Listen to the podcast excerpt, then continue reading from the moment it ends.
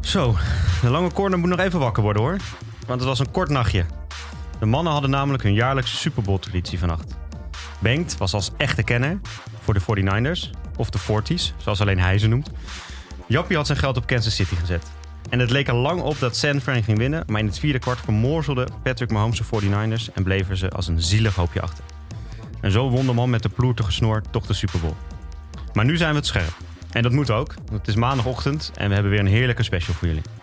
Met, zoals jullie van ons gewend zijn in deze zaalperiode, een special guest. Hij is een van de grondleggers van het succes van Almere. Hij zit diep aan de cover bij de KNHB. En is misschien wel de best geklede coach van de hoofdklasse. Vandaag hebben wij te gast de enige echte Barba Pasha Gademan. Dus we gaan snel beginnen met de lange corner.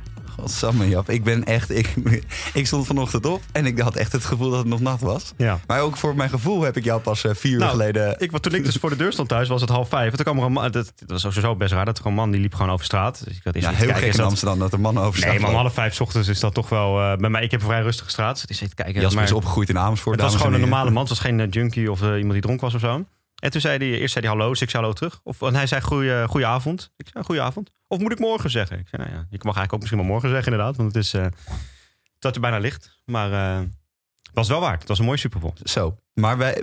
Kijk, we hebben een beetje een nadeel eigenlijk. Want wij, wij zijn niet zo... eh, ah, wij hebben een special guest natuurlijk vandaag Ja. in, de, in de studio. Pasja Gademan, welkom. Dankjewel. En, eh, en uiteraard coach van, eh, van Almere Heren 1. Ja. En, eh, en diep undercover, zoals je zei bij de KNB. Ja. Omschreven. Pasja, jij hebt de makkelijke vandaag hoor. Echt waar. Want wij zijn normaal zijn wij scherp, jongen. En dan fileren we iemand helemaal door. En wij, wij- jij, jij zit tegenover twee niet fitte mensen. Waarvan de eentje acht hotdogs heeft gegeten gisteravond. En, eh, en eh, heel veel, eh, ja, vooral tonic eigenlijk heeft gedronken. Ja. Dus jij hebt de makkelijke vandaag. Dat scheelt. Dat scheelt een. Maar ehm, ja, ja, allereerst natuurlijk welkom in, zoals wij het noemen, het linkse bolwerk. Zoals Ja. ik al eh, net eh, toen de mic nog uit was, zei. We zijn de enige niet-creatieve hier, zonder schilderopleiding. Ehm, maar wij willen eigenlijk wel weten, ehm, ja, in zo'n zo'n winterperiode nu... eh pas jij is een beetje onder de grond gekomen, denk ik. Want ja, het veldseizoen is klaar, dus ja, er is wat minder jeu erin. Je doet nog wat in de zaal. Maar hoe kom jij als persoon de wintermaanden door? Dat is eigenlijk de, de start van mijn Ja. zoektocht naar Pasja Gademan. Hoe kom ik de wintermaanden door? Ehm, nou ja, ik denk dat je een kleine misvatting maakt. Want helaas heb ik nog geen dag vrij gehad in de, in de winter. Oh. Dus eh, we zijn vooral met... eh, ik ben ook eh diep undercover bij, bij Oranje Zaal inderdaad. Dus vanaf het moment Ja. dat het veldseizoen afgelopen was... hebben we een, een bijzonder vol en hectisch programma gehad. Daarnaast doe ik natuurlijk ook nog Almere, Almere in de zaal. Nou, Almere Veld loopt ook altijd nog wel door. Ehm, ik heb zelfs nog een stage met Nederlands onder 18 gehad. En ik heb daarnaast ook nog ehm, ja, één eigen onderneming en zit ook nog in een familieonderneming. Dus, ehm, dus ja, ik kom de wintermaanden door door gewoon elke dag eh, vol, vol te werken. Dat is een druk schema. Ja. Ja. iets te druk. Ja. misschien, ja. La- laten we even met, met de, de, de herenzaal. Ja, Dat was wel een, eh, een korte, explosieve onderneming, Ja. lijkt me. Ja, zeker. Ja. Anders dan alles wat je gewend bent. En, en, en bijzonder leuk, want ik ben assistent geweest van Marieke Dijkstra. Ik ben Hm. eh, nog nooit voor een langere periode assistent geweest. Wel op het begin bij Nederlands Jeugd. Maar, eh, maar werken met een, eh, met een heel talentvolle groep in, in een periode van nog geen vijf weken. Naar een EK toe, uitverkocht in Berlijn. Ja. Met al die Duitsers die tegen je schreeuwen. Super natuurlijk ook in één weekend ook eh, heel erg kort op elkaar. eh, Heel kort ja. op elkaar, Ja, bijzondere ervaring. Eh, ik ben zelf natuurlijk nog relatief jong, dus ik heb een, eh, ik heb een seniorentoernooi eh, internationaal nu, eh, nu op mijn lijstje staan. ja. Dat, was wel, ehm, ja, dat was wel heel bijzonder. Ja, daar heb ik wel echt heel veel energie van gekregen. Hm. En de, en de uiteindelijke prestatie, hè, de bronzen plak, was dat... eh, je hoopt altijd op goud, maar zijn je ben je tevreden over hoe het toernooi verlopen is? Ja, ik denk dat we, eh, dat we echt tevreden kunnen, mogen en dat we ook tevreden zijn. Ehm, blijft wel een, eh, een beetje lastig. We hebben een wedstrijd tegen Oostenrijk gehad in de halve finale. En we vonden dat we onszelf daar niet echt gepresenteerd hadden zoals we Mhm. konden. En daarom ook niet gepresteerd hadden zoals Ja. we konden. Ehm, en er is een moment, een klein momentje geweest in de wedstrijd tegen Duitsland. Moeten we niet te lang over napraten. Maar ongeveer 12, 13 seconden voor tijd scoren wij eigenlijk de winnende treffer. En die wordt helaas afgekeurd. En zij scoren daarna gelijk uit die bal Ja. de, de 7-6. Hadden we die goal wel, ehm, had die goal wel geteld, dan speelden wij tegen Rusland in de halve finale. En dan wordt het een gekke finale. Ja, ja. Ehm, Dus ja, we hadden er nog iets meer uit kunnen halen, maar het was, was echt een mooie prestatie. Ja. Maar eigenlijk, hè, in Berlijn tegen de Duitsers, Ja. dan kan je je ook niet anders voorspellen dan dat die Duitsers dan een klaar klein. Ergens een manier vinden Ja, om... eh, ik ben half Duits, hè, Pasja, Ja, dus ik me bedoel, eh, ik, bedoel ik, ik ken, ken deze trucjes uit duizenden. Dat, eh, dat wordt er al vanaf jongs af aan bij die, eh, bij die mannetjes ingeslepen. Ja. goed, ja, Ja. zeker. Ja, Ja, ik vind het wel leuk van, het, van de zaal, vind ik altijd dat er dan in één keer hele andere landen zeg maar, eh, meedoen. En dat je denkt, dat je, dat je, toen ik nog echt nog een, een paar jaar geleden dat ik dat voor het eerst een beetje ging volgen. Ik dacht, nou, eh, Nederland zit bij Oekraïne, Rusland en Oostenrijk. Dus dat wordt eh appeltje eitje. hè? easy peasy. En dat die landen dan, hè, ook Wit-Rusland bij de dames met Herman Kruis, dat die landen dan eigenlijk stiekem best wel eh, heel goed kunnen zalen. Volgens mij omdat ze ook niet heel veel op het veld doen. Volgens mij is alles wat zij doen zo'n beetje in de, Nee, de klopt. zaal. Ja, het, kost gewoon veel minder geld uiteindelijk. Er zijn overal in de wereld zijn er zalen. Of Ja. zijn er in ieder geval van dat soort type Ja. ondervloeren. En je hebt minder mensen nodig. Dus het hele programma kost voor een hockeybond veel minder geld. Dus de kleinere hockeybonden kunnen daar iets meer in investeren. En ze hebben natuurlijk ook allemaal te maken met andere weersomstandigheden. Ja. Bijvoorbeeld eh, Zweden was een, eh, was een eh, redelijk goed eh zaalhockeyland. Nou, daar hebben we op het veld natuurlijk nog nooit van gehoord. Ja, noem eens één Zweedse En, speler. en zelfs op eh, wereldniveau heb je, heb je Iran bijvoorbeeld, die, eh, Ja. die een heel, Ja. heel goed zaalhockeyland is. Volgens mij je ook toen laatst week naar Namibië of zo. Volgens mij zoiets. dat Namibië is wel ehm, je? is natuurlijk, eh, heeft een iets grotere hockeycultuur Ja. dan je denkt. Ja, dat is wel. Want we laatst ook met eh, in de zaal was er een, een internationaal team op bezoek. Die tegen een aantal teams, ook bij Cartouche, maar ook bij ze nog spelen. En dat was een soort Ja. mix tussen eh, Zuid-Afrikaanse speelsters en spelers. En eh, ook uit Namibië En inderdaad. eh, ja, ja. want je hebt daar natuurlijk wat meer international schools. En Ja. die kennen natuurlijk die kennen hockey wat meer. Ik dacht wel bijna allemaal blanke kinderen ook. zeg maar. dat helaas wel. Ja, omdat het toch van die international schools Maar ik ben, zelfs, ik ben zelfs een keer in, ehm, in Zimbabwe geweest. En dan Ah, zou ik een hockeyclinic geven. Toen kwam ik in een van de mooiste hockeystadions van de wereld. En gigantisch en Hm. groot. Ik kon mijn ogen niet geloven. Maar ze hockey op de gekste plekken die, Ja. die Ja. je niet kan voorstellen. Ja. Je hebt Cool. toch ook elke, elk jaar heb je die in Zuid-Afrika. Heb je dat, dat, dat is één wedstrijd geloof ik. Dat is gewoon een soort voor de, voor de All-Stars worden ingevlogen. Zoals eh Tigers en zo. En die spelen dan tegen een Afrikaans elftal. Ja. Dat is één zaalwedstrijd per jaar. En daar, dat is ook helemaal vol gewoon Ja, gemaakt. de, de Pro Series noemen ze dat. Ja, ze doen dan zelfs meerdere wedstrijden op locaties. Oké. Ze maken er echt een spektakel van. Ja. Ja, mooi en een eh, goede promotie voor het zaalhockey. En jongens als Tigges, Rohoff en Nicky doen daaraan mee. En, Ja. ja. dat ziet er altijd wel super cool uit. Ja. En als we dan naar, eh, in de zaal naar Almere kijken, de, nou niet zoals op het veld, misschien de laatste plaats, maar ook wel pittig, eh pittig gehad natuurlijk de afgelopen, afgelopen weken en volgende week de play-outs. Hoe, eh, hoe kijk je daarnaar? Is Ja, het, hoe belangrijk is het ook voor jullie? Zeg maar? ja, het is wel echt heel belangrijk voor ons. Wij genieten echt van dat spelletje en we nemen het ook heel serieus. Dus het Ja. is zonde dat we, dan niet, ehm, dat we dan niet beter presteren. Vooral omdat we het in het eerste weekend eigenlijk hebben weggegeven. Dus daar had Mhm. je Hikke en Laren. Ja, wat de oorzaken zijn, of wij een te korte voorbereiding hebben gehad, of dat we gewoon, eh, gewoon niet lekker starten. eh, ja, dat is wat het is. Maar het blijft gewoon heel zonde, omdat we daar voelen en ervaren dat als wij tegen, tegen de wat, wat betere ploegen spelen, zoals tegen Amsterdam, eh, één keer 4-3 verloren, één keer 5-5 gespeeld, Ja. dat wij echt heel goed meekomen en dat we echt lekker spelen. Maar tegen de ploegen die, ja, die, die wat minder willen, Ja. daar zijn wij gewoon niet zo goed tegen. Als je spel moet, eh, moet maken. Als wij ja. het tempo moeten dicteren en veel meer moeten beslissen wat er met de wedstrijd gebeurt, dan kruipen wij wat meer in ons schulp. En dan worden we, ja, dan worden we gewoon fragiel. En dat, dat is wel heel zonde, want dat gebeurt eigenlijk op het veld ook. Dus dan zie je een beetje Ja. dezelfde trend, Ja, eh, precies. dezelfde trend gebeuren. Want je hebt best ook wel volgens mij de. ehm, je hebt ook wel teams waar van allerlei spelers weer invliegen in de zaal. Maar jullie hebben volgens mij eigenlijk wel gewoon allemaal jongens die ook op het veld Ja, we hebben, eh, hierheen ehm, spelen, toch? ja, we hebben er twee van buitenaf. Eén jongen is uh, Fedde Hempel, dat is onze tweede keeper Oh ja. in, de, in de zaal. En dat is gewoon een Almere jongen die tegenwoordig in Zwolle studeert en in Zwolle hockeyt. Oh ja. En we hebben een jongen van Kivive erbij genomen, Joep Troost. Die Oh ja. wilde heel graag in de zaal uh. En dat is een fantastische zaal. Joepie natuurlijk. Ja, heel goed Pinoquet, daar. Ehm, maar helaas is die, omdat hij eh, geselecteerd was voor Jong Oranje, heeft hij er bijna niet bij kunnen Nee. zijn. Hm. Want dat Ja. liep eh, allemaal niet parallel. Ja. Ik heb hem volgens mij vorig, was dat vorig jaar in die finale tegen Rotterdam? Echt Ja. vanaf de achterlijn eh, een bal erin geschoten. Dat zal hij wel Zo'n zo'n gozer is Nou ja. Joepie gooit Ja. altijd cornertjes Ja. erin, toch? Ja, dat was geen corner, dat was gewoon vanaf de achterlijn een balletje. Ja. Oké, maar Nou, kijk, ik, ja. wil, ik wil ook. We zijn nog, we zijn nog helemaal lang niet eh, in, het, in, het, in het volledige doordraaischema met Pasja bezig. Maar ik wil Pasja toch alvast even bedanken. Niet voor deze podcast, we zijn pas 10 minuten Ja. onderweg. zo. Maar eh, ik weet nog heel goed dat eh, ik was beginnend coach. Ik ben ook niet heel lang op hoog niveau coach geweest. Want uiteindelijk, ik heb altijd na vier jaar zo weer het idee dat ik iets anders moet gaan doen. Ehm, maar ik weet nog heel goed.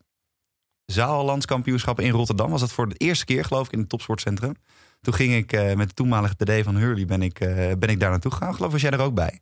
En toen stond Almere jongens A1 tegen HDM jongens A1 Ja. in de, de zaallandskampioenschap En dan was, ik, was dat toen meisje C van ons eh, mede? Daar was ik niet bij. Ja, ja. Dat oh, daar was jij er niet. Oké, Nou, nou, anyway. ehm, maar toen, heb, je- toen heb ik in ieder geval wel een beetje zin in gekregen om met zo'n team een beetje aan de slag te gaan. Want ik zag wel, want jullie wonnen 6-5, 6-0 of zo. Ja, Echt klopt, heel ja, dik. 5-0, ja. Eh, Echt een knijtervette finale. En Hm. HDM is van, van origine ook altijd een goede zaal, Goeie zaalclub, ja. club geweest. En die hebben ook een eigen zaal natuurlijk. Nog steeds. Ja.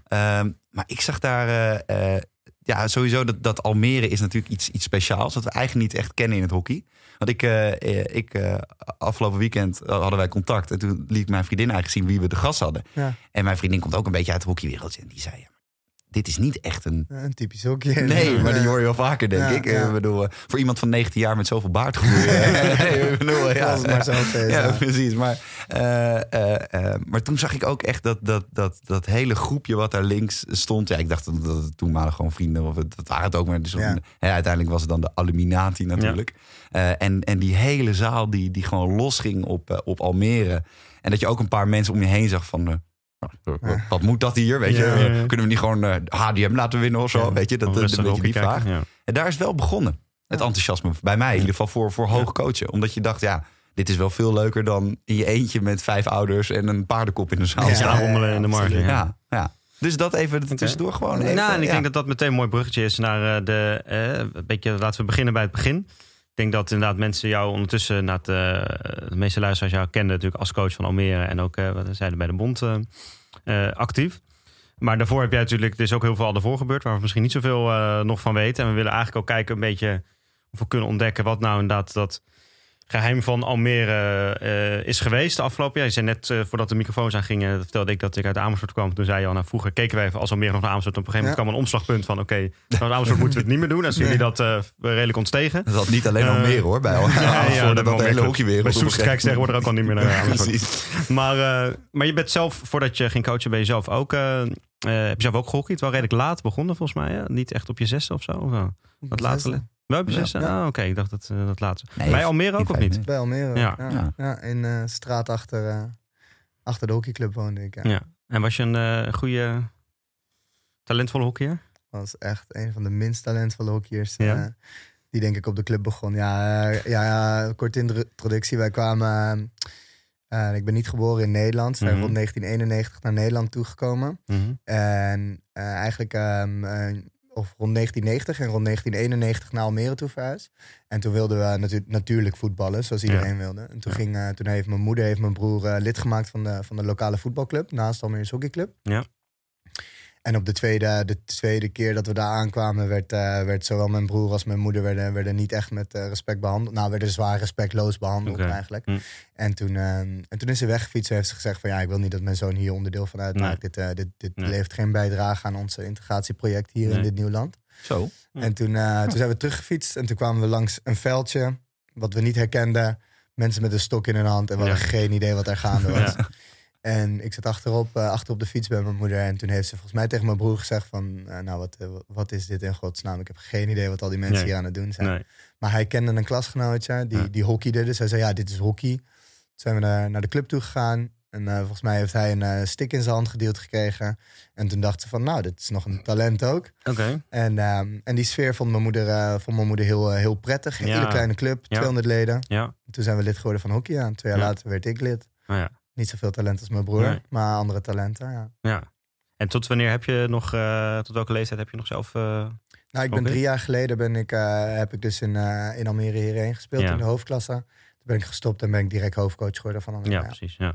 En de, want dan is toch wel iemand die, wat je zegt, die niet zo heel veel talent had, maar toch, eh, nou, toch redelijk ver geschopt. Door Almere, dat was toen ook hoofdklasse al toen jij er nog speelde? Of was dat nog overigens Ja, ik toen? ben eh, met Almere naar de hoofdklasse gepromoveerd Ja, en, precies. En heb toen in de je- hoofdklasse ja, gespeeld. ja. Dus ook nog een jaar in de hoofdklasse. Ja, zeker. Ik, ik, ik vrees dat ik misschien wel de minst talentvolle speler ben die ooit in de Oké, hoofdklasse en heeft hoe heb je dat dan toch voor elkaar gekregen? Omdat, Ja, ik denk.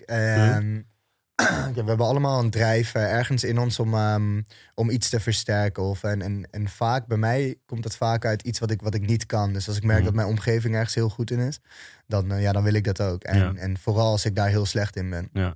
En in het hockey, ik hockeyde in een hele talentvolle. Uiteindelijk ehm, ja, wilde, wilde ik gewoon, ik wilde gewoon, gewoon beter en beter worden. Ja. Dus ik denk dat ik vanaf de C5, C5 Almere, ben ik, eh, ben ik naar de B1. En 2,5 jaar nadat ik in de C5 zat, heb ik mijn debuut gemaakt voor Almere hierheen. Hm. En wel echt voornamelijk met heel hard te werken. En, Ja. en gewoon op te kijken naar die jongens. Maar ook gewoon, ik ging op een gegeven moment gewoon bij elke training van hierheen langs de lijn staan. En Ja. eh, ging tellen van tevoren. En dacht ik, ja, ze hebben oneven aantal. Ja, precies. Maar je weet maar nooit. Als Ja, ze ja, ja, partijtje moeten spelen, dan zou het zomaar kunnen zijn dat ze me nodig hebben, zodat het eh, even uitkomt. Ja. Dus eh, ja, ik drong mezelf gewoon op in die omgeving. En ik dacht gewoon, ik ga er gewoon alles voor doen, want ik wil dit.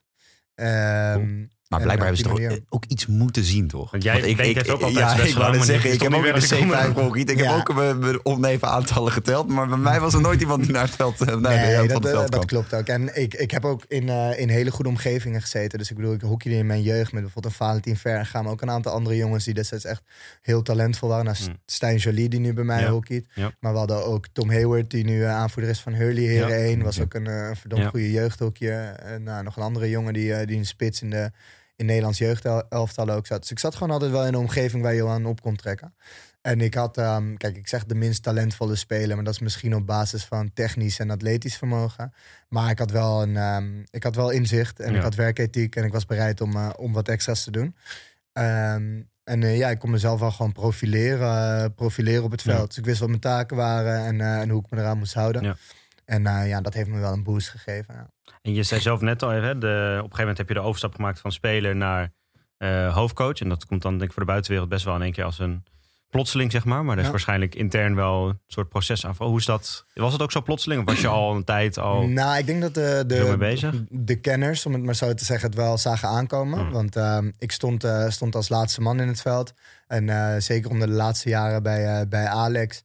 Ik zou niet willen zeggen dat ik assistent trainer coach was. Maar ehm, ja, we sparden heel veel. En, Ja. en, en, en ik kreeg heel veel vrijheid ook om, om juist mijn input als trainer coach eigenlijk te leveren. En ik heb ook vanaf mijn twaalfde training gegeven en gecoacht. Ik vond het gewoon fascinerend om een groep mensen bij elkaar beter te laten Ja. worden. En, en hechter met elkaar een band te bouwen. Ehm, ik had zelf, ik moet eerlijk zeggen, ik had zelf nog niet de wens om hoofdcoach te worden. Ik wilde eigenlijk nog één of twee jaar doorspelen. En ik wilde nog een andere stijl trainer-coach ervaren bij Mhm. Almere. Mhm. Omdat ik denk dat dat het proces zou, eh, zou Ja. verbeteren. Maar die kwam niet.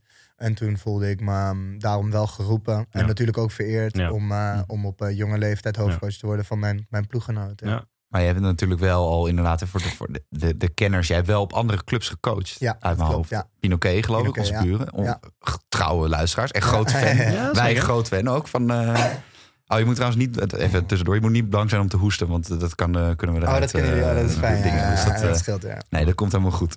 Mooi. Nee, maar, maar eh, ook vergeleken hè, met, met dan de, de, de andere clubs. Want nou ja, Almere is dus echt je thuis. Dat, eh, nou, ik ben ook echt een, nou, ik mag wel zeggen, een clubman. Ik weet Ja. hoe het is om ergens Ja. naar binnen te fietsen en eigenlijk meer je thuis te voelen dan in je eigen huis. Precies. Dat je, dat je bijna denkt van nou, als even daar een bedje neerleggen, dan komt het ook wel goed of zo. Ja. Dan betaal ik wel minder huur. Maar, ehm, eh, maar hoe is het dan om, om op zo'n andere club binnen te komen? Of eh, bij wel, welke club sowieso heb je gecoacht uiteindelijk? Eh, uiteindelijk alleen bij Pinoquet. Oké. Eh, drie jaar lang heb ik daar jongens heen gecoacht. Mhm. En echt drie, drie fantastische jaren gehad. Ja, ik wilde, ehm, eh, ik wilde ook een keer het nest verlaten. Ja, je gaat eh, thuis ook pas echt waarderen op het moment dat je weet hoe het, eh, hoe het elders is. Ehm, maar ik deed het voornamelijk omdat ik dacht, ja, hier bij Almere weet iedereen wie ik ben, hoe ik werk. En, en ja, je fundament en je basis is eigenlijk elk jaar al gelegd. Omdat je de voorgaande jaren gewoon... eh, ehm, ja, gewoon veel werk heb geleverd op de club. Dus, dus er zijn jongens die, eh, ja, die je vanaf hun eerste dag dat ze hockeyden getraind en gecoacht hebt. En, en er zijn jongens als, ehm, als, als, als Nicky Leijs, eh, Timo Goor, die bij andere clubs zitten, die, die ik vanaf de eetjes training heb gegeven. Jongens als Daan Dekker, die ik nu die ik misschien al 15 jaar in zijn leven gecoacht heb. Dus, dus iedereen weet wat ze van je moeten verwachten. Ze werken hard voor je en er is gewoon een goede natuurlijke basis. Mhm. En ik dacht, ja, maar dat, dat. Ik zeg niet dat het me niet meer uitdaagt, maar ik heb ook een andere type uitdaging nodig. Dus ik ging als speler bij een andere club spelen. Dat werd uiteindelijk HBS in Bloemendaal, omdat ik eh, onder een andere trainer-coach wilde spelen. En ik zat bij Almere een beetje vast. Dus dat was Nanko Jansonius. En die was ook de technische directeur bij Oké, Pinoquet. ja. Ja. Dus die sprak mij en die zei van ja, dan wil ik eigenlijk stiekempjes ook wel dat je bij Pinoquet komt, eh, komt coachen. Voor een groep die mij niet kent, die niet weet wat, wat ze van mij moesten verwachten. Ja, die uitdaging die vond ik heel groot. En ik heb daar echt drie fantastische jaren gehad. Heerlijke groepen, talentvolle spelers, heel, heel andere cultuur. Ja. En eh, heel andere werkwijze ook. Ehm, maar uiteindelijk heeft dat, eh, heeft dat echt bijgedragen aan mijn, aan mijn proces als mens, maar voornamelijk als trainer-coach natuurlijk. Ja. Ja, en, en, en, en dan kom je.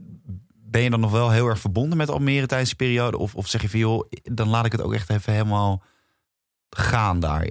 Nee, ik, de, de, de, de band met uh, Almere die, die gaat nooit, nooit weg. Ik woonde ook toen uh, in een huis in Amsterdam met mijn broer en met, um, en met uh, Koen van Hamersveld. Dat was de midden-midden van Almere. Hm. Dus ja, we moesten ook met HBS in één seizoen vier keer tegen elkaar. Ja. Oh, ja. Dus dat was, dat was super intens. Kon je wel met elkaar meerijden? Dat is een voordeel. Oeh, nou, dat kon niet. Zeker okay. niet mee terugrijden. Hoewel we heel vaak gelijk hebben gespeeld. Dus dan kwamen we daar goed Hm. vanaf. Maar uh, ja, de, de echte band blijft dan, altijd wel, uh, blijft dan altijd wel leven. Maar ik kon wel de juiste afstand nemen. Want ik was op dat moment wel gewoon... Uh, weet je, waar je werkt is waar je werkt. En, eh, en waar je sport is waar je sport. En op dat moment ben je hopelijk altijd voor, eh, voor die ploeg... waar je op dat moment actief voor bent. Hm. En dat, dat was ik ook echt bij HBS en bij.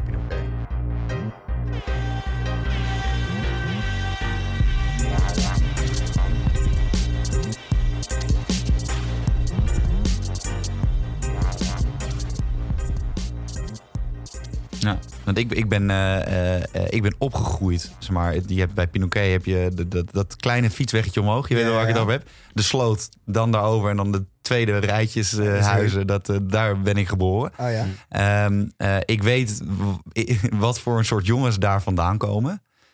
ja, hè, dat, dat, zijn een beetje de blonde haren, Floris van deze wereld. nou, bij Pinoquet zitten dan soms nog wel andere soort types tussen. Um, maar hoe, hoe was, is dat een hele andere cultuur opeens dan bij Almere? Of valt het eigenlijk wel mee? Want we, we hebben ook een soort van idee, geloof ik, ik weet niet hoe jij erin staat, maar dat Almere is ook een soort van, dat wordt een beetje daarin ook opgehyped of anders neergezet. Maar de vraag is eigenlijk, is het wel zo anders vergeleken met andere hockeyclubs? Um, ik denk, uh, daar is een tweezijdig antwoord op. Ik denk dat omdat de, de cultuur van Almere in eerste opzicht zo lijkt af te steken ten opzichte van andere culturen, dat dat opvalt. Maar stiekempjes denk ik dat elke club echt een, een andere cultuur heeft. En, en dat zie en dat herken ik. Dat herken ik ook bij de Nederlandse jeugdelftallen. Um, dat heeft simpelweg, uh, denk ik, te maken met een stukje, een stukje historie, een stukje geografie, een stukje, een stukje type leden die je hebt. Mm -hmm. um, dus ja, de cultuur is echt anders. Maar ik, ik heb het vermoeden dat dat bij zoveel clubs uh, eigenlijk het geval is. Dus dat, dat zelfs Pinoquet en Hurley, een, um, een clubs die naast elkaar staan en eigenlijk uit dezelfde vijver, uh, uit dezelfde vijver vissen, dat die een andere type cultuur ontwikkeld ja. hebben. Ja. Ja, en dat kan, met, dat kan met zoveel elementen te maken hebben. En ik vind dat juist, uh, juist eigenlijk fascinerend om te kijken wat het is. Maar kijk, in de kern wil ik wel, uh, wil ik wel zeggen dat, dat als Almere zijn, hebben we soms denk ik een imago.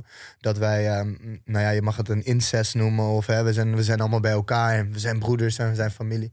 Maar zodra iemand van buitenaf komt, ben je direct een van ons. En, en dan, dan, dan kijken we nooit meer om naar wat je verleden is. Dan oordelen we daar niet over. We maken er wel grapjes over, zoals natuurlijk iedereen overal. maar ja. dat, uh, dat heb ik dit jaar ook gemerkt met bijvoorbeeld Flip Wijsman, die van Bloemendaal afkwam. Die natuurlijk dacht van... Van nou, ja. Bloemendaal, Almere. Ja. Je denkt eigenlijk dat er gigantische verschillen zijn tussen die twee clubs. Terwijl ik denk dat het misschien wel clubs zijn die heel dicht bij elkaar liggen. Heel klein, heel familiair, heel dicht bij elkaar. Iedereen kent elkaar. En hij heeft ook gezegd van ja, de, de landing was hier eigenlijk zo zacht. Dat, dat, dat had ik me niet kunnen voorstellen. Um, maar ja, het is, het is wel wat anders. En uh, dan heb ik nog wel één mooie quote een keer gehoord van een uh, vader van, uh, van iemand die, die naar Almere toe kwam. En die zei, um, het is wel heel bijzonder.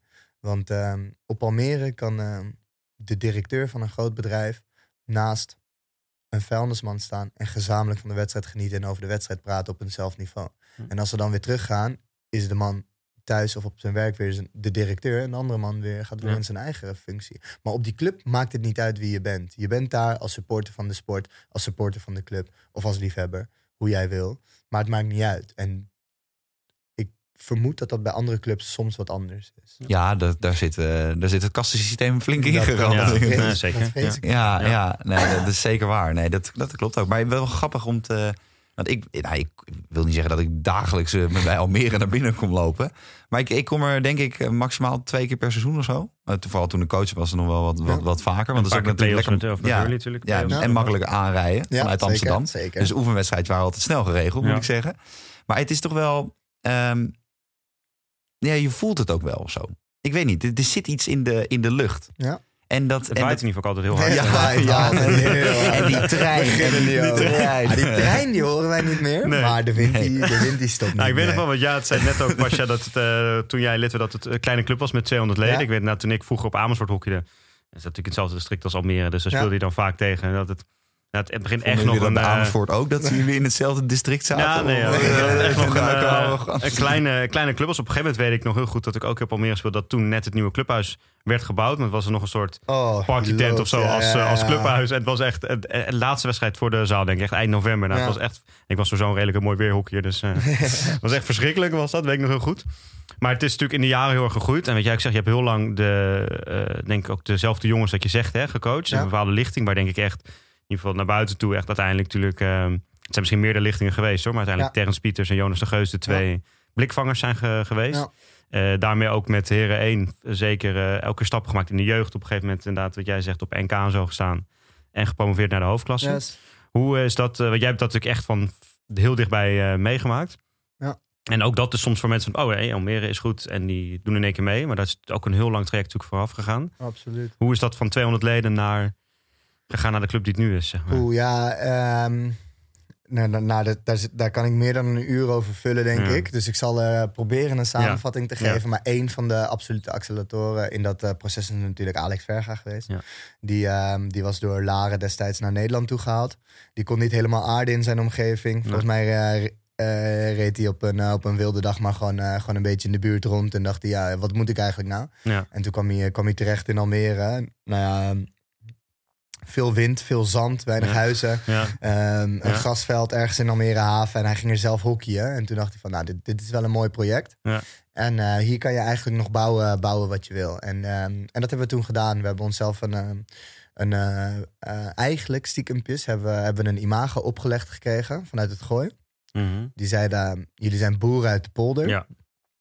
Dat zeiden we Amersfoort soms ook. hè? En eh, ja, oké. Dat nou, zeggen al die mensen. Dat, Pasja, geloof mij, maar dat zeggen ze tegen iedereen die Fijn, niet in wij het dachten dat we uniek waren daarin. Dus we dachten, nou weet je wat, dat omhelzen we wel. Boeren uit de polder. Ja, Ja. boeren moeten altijd hard, op, eh, hard werken, vroeg opstaan.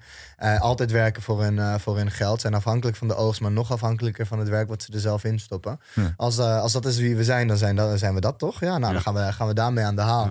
En toen zijn we gewoon keihard gaan werken. En eh, kijk, overal in de, in de wereld goede, ehm, komen er wel talentvolle kinderen. Dus je, je, moet, je moet net maar het geluk hebben dat ze een beetje bij elkaar komen.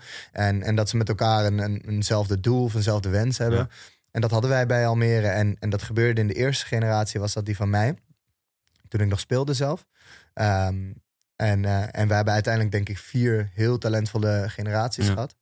En ja, ik moet toch ook wel vernoemen dat op dit moment bij het Nederlands elftal en bij Oranje Zaal, in ieder geval in de herenlijn, ehm, de meeste internationals zijn begonnen met hockey bij Almere. En dat Ja. vind ik toch wel opmerkelijk voor Ja. ons eh 40-jarig bestaan. Ehm, alleen, het eh, kent wel een kanttekening. En het kent wel, eh, ja, de andere kant van de medaille is wel dat, eh, ja, hoe ga je verder? Want dat proces kom je niet vaak mee. En we hebben altijd wel een probleem, financieel, weinig budget, kleine begroting.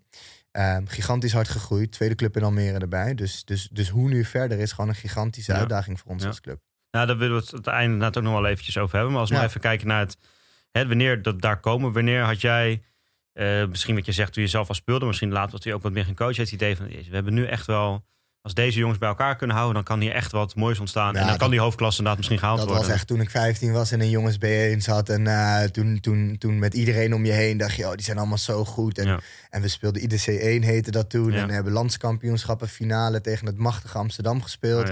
En toen dachten wij allemaal van deze groep bij elkaar, dit kan. Nederlands kampioen worden later. Ja, de, nou, de realiteit is natuurlijk heel anders. Ehm, maar ik denk dat toen ik terugkwam als speler. En toen kwam Ronald Brouwer ook bij ons spelen. Ja. En, eh, en toen dat jaar was Almere net aan het eh, strijden tegen degradatie in de overgangsklasse. En, en, en toen kwamen we en toen waren Terrence en Jonas, die ik ook lang heb getraind. En, eh, en, en ook een aantal andere, Daan Dekker, Deegan Huisman. Die, Ja. die werden allemaal nou, ongeveer eerstejaars A. Dat betekent bij ons dat je in Heren gaat spelen Ja, in principe. Ja, ja. Ehm, dus, eh, dus die kwamen door. En toen had je wel het gevoel van, nou ja, als wij dit goed begeleiden, dan kunnen zij het straks gaan doen. Ja. Ehm, en, en toen werd het wel duidelijk dat, eh, dat, dat de mogelijkheid er echt was. Ja. En is het dan dus wat jij zei, eigenlijk een soort combinatie tussen aan de ene kant eh, eh, iemand of een groep mensen, maar met dan Alex Verka aan het hoofd, die echt wat, dat neerzetten, beleid neerzetten. En ook natuurlijk die, die, jongens goed begeleiden. Maar aan de andere kant ook misschien het geluk dat inderdaad achter elkaar een aantal lichtingen goed waren. Kijk, ik kan me. De begeleiding voor mij ook belangrijk. Maar ik denk als Jonas en Terrence bij in Den Bosch waren geboren, dan hadden ze nu ook het Nederlands elftal gespeeld, denk ik zelf, weet je. Dus dat, Ja, dat, dat, dus dat geluk moet je dan ook een beetje hebben. Maar dus dat viel eigenlijk precies goed samen, zeg maar. Dat er en een goede begeleiding was en de talenten. ja, kijk, dat, Ja. Je, je, kan het, je kan het wat dat betreft ehm, eigenlijk nooit, nooit weten. Je Nee. zou het nooit kunnen onderzoeken. Jonas heeft wel een, een bijzonder verhaal. En dan geef ik een kleine shout-out naar Rode Pleintje. Want dat zijn dus vijf jongens die rondom één pleintje wonen van elkaar. Van dezelfde leeftijdscategorie. Ja, ja. En die gingen, die gingen alle sporten doen op dat pleintje. Dus Ja. dat was van, van, van die, gingen, die gingen van volleyballen naar voetballen, naar hockeyen. Tot, omdat iemand zijn broer ergens hockeyde. Ah, ja. En eigenlijk was eh, Justo Engelander, die was weer net wat ouder. Zat ook Mhm. in Nederlands jeugdelftal. Mhm. Die woonde daar ook. Mhm. En die hockeyde. En op basis daarvan raakte hij volgens mij ook wat geïnspireerd Ja. om meer te gaan hockeyen. Ehm, dus die jongens hebben elkaar allemaal beïnvloed. En dat is absoluut het geluk. Ja. Dus je moet, eh, je moet in ieder geval de kwantiteit hebben. Tussen een hele grote groep mensen zit altijd Ja. verschillend talent. Ja. En, en nu zat er dus eh, vol- voldoende hockeytalent tussen. De een atletisch, de ander op denkend vermogen, de ander op mentaal vermogen. Dat eh, beïnvloedt elkaar allemaal. Dat gaat met elkaar spelen. Kijk naar elkaar op. Dus dat geluk moet je zeker hebben. En dan moet er een goede begeleiding op staan. Ja. Je kan het eigenlijk inderdaad alleen maar goed faciliteren. Maar je bent als begeleiding niet de makers van het talent. Dat, kan, dat, dat erken ik direct. Ja. Maar je kan het wel heel makkelijk eh, verpesten door, door hele slechte begeleiding Ja. erop te gooien. Of, ehm, en dat, ik denk dat we dat niet hebben gedaan. En dat is onze grootste. Nee, precies. Dus dat is een combi. Inderdaad, ik denk dat je dat ook wel, voor mijn gevoel, dat je dat heel erg goed ziet dat het een combi is. Dat je, eh, altijd, ik denk dat er ook stappen zijn gemaakt, maar bijvoorbeeld aan de dameskant heb je dat minder eh, Ja. gezien. bij, dus daar waren de begeleiding misschien ook even goed, maar minder eh, Ja, de, de ja. eh, aanwezig. Ja. Ja, we, ja ehm, eh, het acceleratiemoment kwam vanuit de heren. Dus daar was de eerste groep van talentvolle spelers. Dat betekent niet dat we ze bij de vrouwen niet hebben gehad. Ja. Maar ehm, je wil graag alles goed doen. Ja. Maar vaak ben je maar gespecialiseerd in één ding. En op dat moment waren wij als club voornamelijk gespecialiseerd in, in jongens- en mannenhockey. Omdat we daar inderdaad toevallig wat beter in waren. Ja. En de dames zijn wel een goede, goede inhaalrace gemaakt. Ehm, maar ja, dat is, dat, is, dat, is, ja, dat is toch een ander type verhaal geweest bij de club. Ja. Ja. Komt dat ook misschien omdat je niet, zeg maar, kijk, je gaf aan, hè, een kleine club, weinig budget. Ja. eh, dat je niet, zeg maar, je kan niet op twee paarden wedden, om Dat- het zo maar te zeggen. precies. Is dat ook wel, Ja, denk dat je? denk ik wel. Ik denk wel Ja. dat dat er zeker mee te maken heeft. Dus nu, eh, eh, ja, als de club weer heel veel gaat investeren. En je ziet het ook bij heel veel andere clubs natuurlijk. Als de club heel veel gaat investeren in één tak, dan heeft de andere er soms onder te lijden. Kijk maar naar een Laren, die, die kunnen met hun dames eh, Ja. kunnen ze heel goed mee. Maar, maar met hun heren is het op dit moment een goede promotieklasse. Maar niet meer zo ambitieus als ze waren een aantal jaar geleden. Ja, Den Bosch had natuurlijk ook nu, nu wel weer met de heren, maar die hebben ook natuurlijk een aantal jaar gehad dat ja, het er zijn er, voornamelijk er zijn er dames, maar een eh, paar. Ja. eigenlijk. Ik denk dat Den Bosch op dit moment, in Ja. deze fase inderdaad, en, eh, en Amsterdam structureel. Ja. Maar zelfs naar de, de grote herenclubs, Kampong en, Ja. En, eh, en Bloemendaal en, en, eh, ja, en ja, Rotterdam. ja. Ja, kijk het, het, het verschil. En, ehm, en bij Stichts is het wel andersom. Dus, ehm, dus goed, dat, dat heeft denk ik dus ook een beetje te maken met je historie, maar ook het geluk wat je hebt. Van eh, wat zijn de talentvolle mensen uit je omgeving? Zijn Ja. dat wat meer vrouwen, wat meer mannen? Ik voorspel dat het in de toekomst bij eh de Almeerse Hockeyclub eh, iets meer richting de dameslijn gaat. Want die, ehm, we hebben veel meer damesleden en eh, meisjesleden dan jongensleden. Mhm. Dus dat is ook wel enigszins problematisch voor de, voor de aanwas. Ja. Maar dat betekent wel weer dat het kansen biedt voor de, voor de vrouwenlijn. Ja. Want hoe is het? eh, we hebben het nu inderdaad over een aantal lichtingen gehad. Nou, je noemde zelf ook al, hè, Dieken Huisman, Daan Dekker. Ja. Ik zei zelf, de, de- ik denk dat voor de, de algemene hockeykenner, van nu natuurlijk vooral de afgelopen jaren Jonas en Terrence eh, erg eh, in het oog eh, springen. En Valentin Vergaan. ja, ook zeker, ja. Ja, Hoe, ik ben groot fan van Daniel de Haas. Ja, ja, ja, mooi, dat is gewoon, dat is, dat is eh, hoe heet die Ja. nou, die spits van Dortmund nu? Haaland. Ja, Haaland, Ah, dat is gewoon de. Haaland van Almere, jongen. Dat is, ik vond dat echt... Ik, ik Ja. weet nog dat ik toen Ja. in, de, in 2015 ging kijken, man, Ja. in die zaal. Ja. En ik dacht, toen hij binnenkwam lopen... Ik dacht, ik keek omheen. Ik dacht, weet ik, ben ik zeker voor het hockey hier gaan we basketballen? Ja, nou. hij, heeft echt, jongen, hij heeft echt Ja. zo'n beest uit. Hij had Ja. ook afgelopen weekend, jongen. Ik, ik was eh via de livestream even aan het kijken. Gewoon even eh, terug aan het kijken, jouw, jouw potjes. Tegen ja. Amsterdam. En dan zie je hem echt onorthodox met zijn met zijn handschoen op de grond. Zo. En dan als een gek achter een bal aan rennen. Ja. Maar echt gewoon een soort van stofzuiger, maar Ja. dan van twee bij twee. Ja, Ja. Ik vond het echt... Ja, eh, dat is ook wel bijzonder. Hè? Volgens mij had hij liever ook wel gewild dat hij een basketballer was. Hè? Dus bedoel, hij traint ook wel in zijn basketbal. man. Ik vind het wel echt... Zeker. Nou, dat, maar kijk, dat, dat Ja. soort... Ik zweer het je, ik zweer het je. Dat soort spelers, dat zie je alleen maar bij Almere. Want Ja. dat kan niet. Dat, want daar, ik denk dat jullie toch, of, of dat jij of wie dan ook, daar toch iets meer eh, ehm, de, de charme of het, de romance of het oog voor hebt. Ik denk als zo'n jongen bij Victoria of bij Bloemendaal of echt bij, bij een beetje ja, van authentieke klassieke kakkersclub, Ja. dat je dan, ja, dan, dan wordt zo'n jongen denk ik niet op Zo'n zo'n Haaland ook, die moet toch ook, die is, weet ik veel, van eh, waar is hij, van Molde of zo. En toen naar Salzburg, Ja. weet je, van die gekke Ja. clubs. En opeens zit hij dan bij Dortmund en Ja. dan vinden ze dan wel grappig of zo. Eh, d- daar, Nou, het kan ook zijn dat hij zichzelf misschien minder thuis zou voelen op een club als. eh, Nee, maar, als nee, maar, club nee, maar doet, ik, ik, ik denk dat ja. zeg maar, wij, eh, eh, eh, want ik, wij hebben heel vaak selecties gedaan en jij natuurlijk Ja. ook.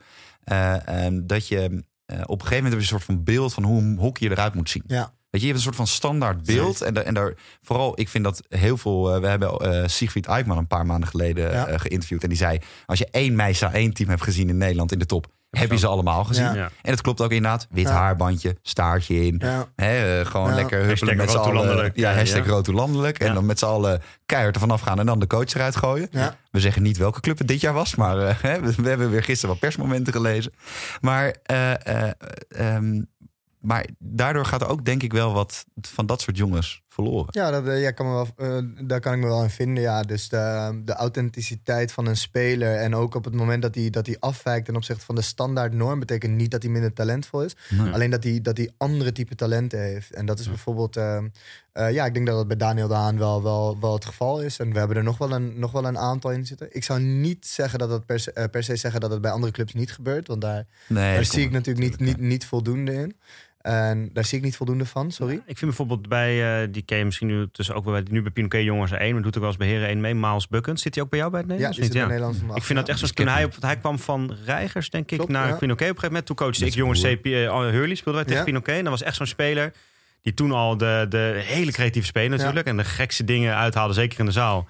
En dat echt de helft vond het geweldig. Ook de helft, ja, dat is toch geen goede hockeyer. Ja, het is alleen ja. maar, het is alleen maar Ja, ja, show ja, en het is alleen maar... precies, ja. En als je dan Coaches nu ziet... En toen was hij, we hadden het er Heel, gisteren... heel lijp we hadden het gisteren toevallig, omdat zij nu de finale hadden gehaald. eh het eerst tegen Nijmegen gisteren hadden we het even over Pinoquet jongens 1. Dat toen hij binnenkwam, was het volgens mij echt andere jongens die daar de die- Maar hij heeft het wel echt. Hij neemt dan die beslissende strafbal. Zo. Hij is natuurlijk Ja. ook nu. Hij is aanvoerder bij jou ook volgens mij, of niet? Nee, hij is Ja, eerst dat juist aan. Nee, Oh, dus, oké, eh, ja. dus, eh, dus hij- Maar dus, dus dat hij dat Bij wel echt heeft het overgenomen. Ja. Maar dat is dat, wel een type. Dat is niet een, een eh, standaard hockeytype, Nee, zeg maar. zeker niet. Zeker En, niet. eh, en ik, ik, ik was meteen fan van hem. Want eh, bij ons, in de, een van de eerste wedstrijden dat ik tegen hem speelde in de zaal, had hij de bal terug en lip, lopje over de keeper heen. dacht ik, ja, vind je Ja, wel baas als je dat ja, doet. Maar wel lachen, toch? Ja. als je net van een nieuwe club bij Pinoquet komt en dat in je eerste wedstrijd zo'n beetje doet. Nou, mooi voorbeeld. Ja, mooi voorbeeld. Ik denk dat het ook wel klopt. En, en overigens is het een jongen die met zoveel enthousiasme en werklust Ja. en echt gecommitteerd. Die wil Ja. het. Die wil het heel graag. En, ehm, eh, en dan heeft hij dus een groot portie creatief vermogen. Ja, ja, Ja. Dan, en dan, dan werkt hij. Ik vind dat Pinoquet bijvoorbeeld, die had daar ook wel ruimte voor. De Ja. club Pinoquet, wat, ik heb, eh, wat ik heb ervaren daar, ehm, toen ik er kwam, was, eh, was dat er wel, eh, ja, ja, er was wel ruimte. Ik denk aan een Hm. paar gevalletjes waarvan zou ik dacht van ja, we weten allemaal dat die nooit hier heen gaat halen. Maar die kan ons gewoon op dit moment dienen. En die Ja. kan... en, eh, en is gewoon een leuke jongen voor de groep en past er goed bij. Eh, Mhm. Ja, we kijken wel naar meerdere dingen dan alleen... eh, ben jij het ultiem hockeytalent? Hou je Ja. elleboog hoog als je drijft? En, en doe je alles conform het boekje? Ja. Maar ik denk wel dat je een belangrijk punt aansnijdt. In Nederland hebben we een, een modelhockeyer voor ogen. En een modelhockeyer betekent per definitie een talentvolle hockeyer. Terwijl in andere landen, omdat ze met beperktere middelen moeten werken... kijken ze naar, oké, wat is zijn ding? Hoe werkt hij? Hoe, hoe slaat hij de bal? Zit daar genoeg ruimte voor verbetering in? Ja. Kan hij binnen zijn eigen atletisch vermogen, ondanks zijn beperkingen, kan hij iets ontwikkelen? Nou, dan kunnen we een goede hockey eh, creëren. Ja. Dus als je bijvoorbeeld kijkt naar Australië, die gebruiken überhaupt andere technieken om de bal te liften, om de bal te slaan. Ja. Hebben hun polsen anders. Ja. Natuurlijk ook wel een beetje vanuit hun, hun cricket en hun rugby-historie en, en alles wat ze daar hebben. Maar ze hebben gewoon veel minder hoekjes om uit te kiezen. Ja. dus ze denken van ja, ik kan wel heel leuk die, die, die fantastische nieuwe Teun de Nooijer zoeken. Maar die is er niet. Dus met wie moet ik het wel doen? Ja, en ook gewoon is het efficiënt. Misschien ziet het inderdaad anders uit, maar Ja. is het effectief? En, Precies, eh, ja.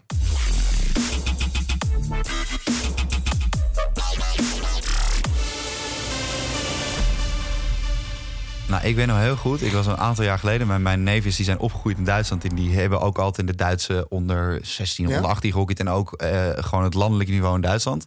En toen stonden ze in de halve finale of zo, finale een keer. En toen, eh, toen zag ik die foto. Toen vroeg ik aan mijn oom van, eh, ja, wie is die gast? En er stond echt een, nou ja, een, eh, Daniel de Haan is een Lilliputter vergeleken met die vent. Die, die gast die, die, die, die is in drie stappen door Duitsland heen. Weet je, was zo'n guy. Echt drie bij drie was hij.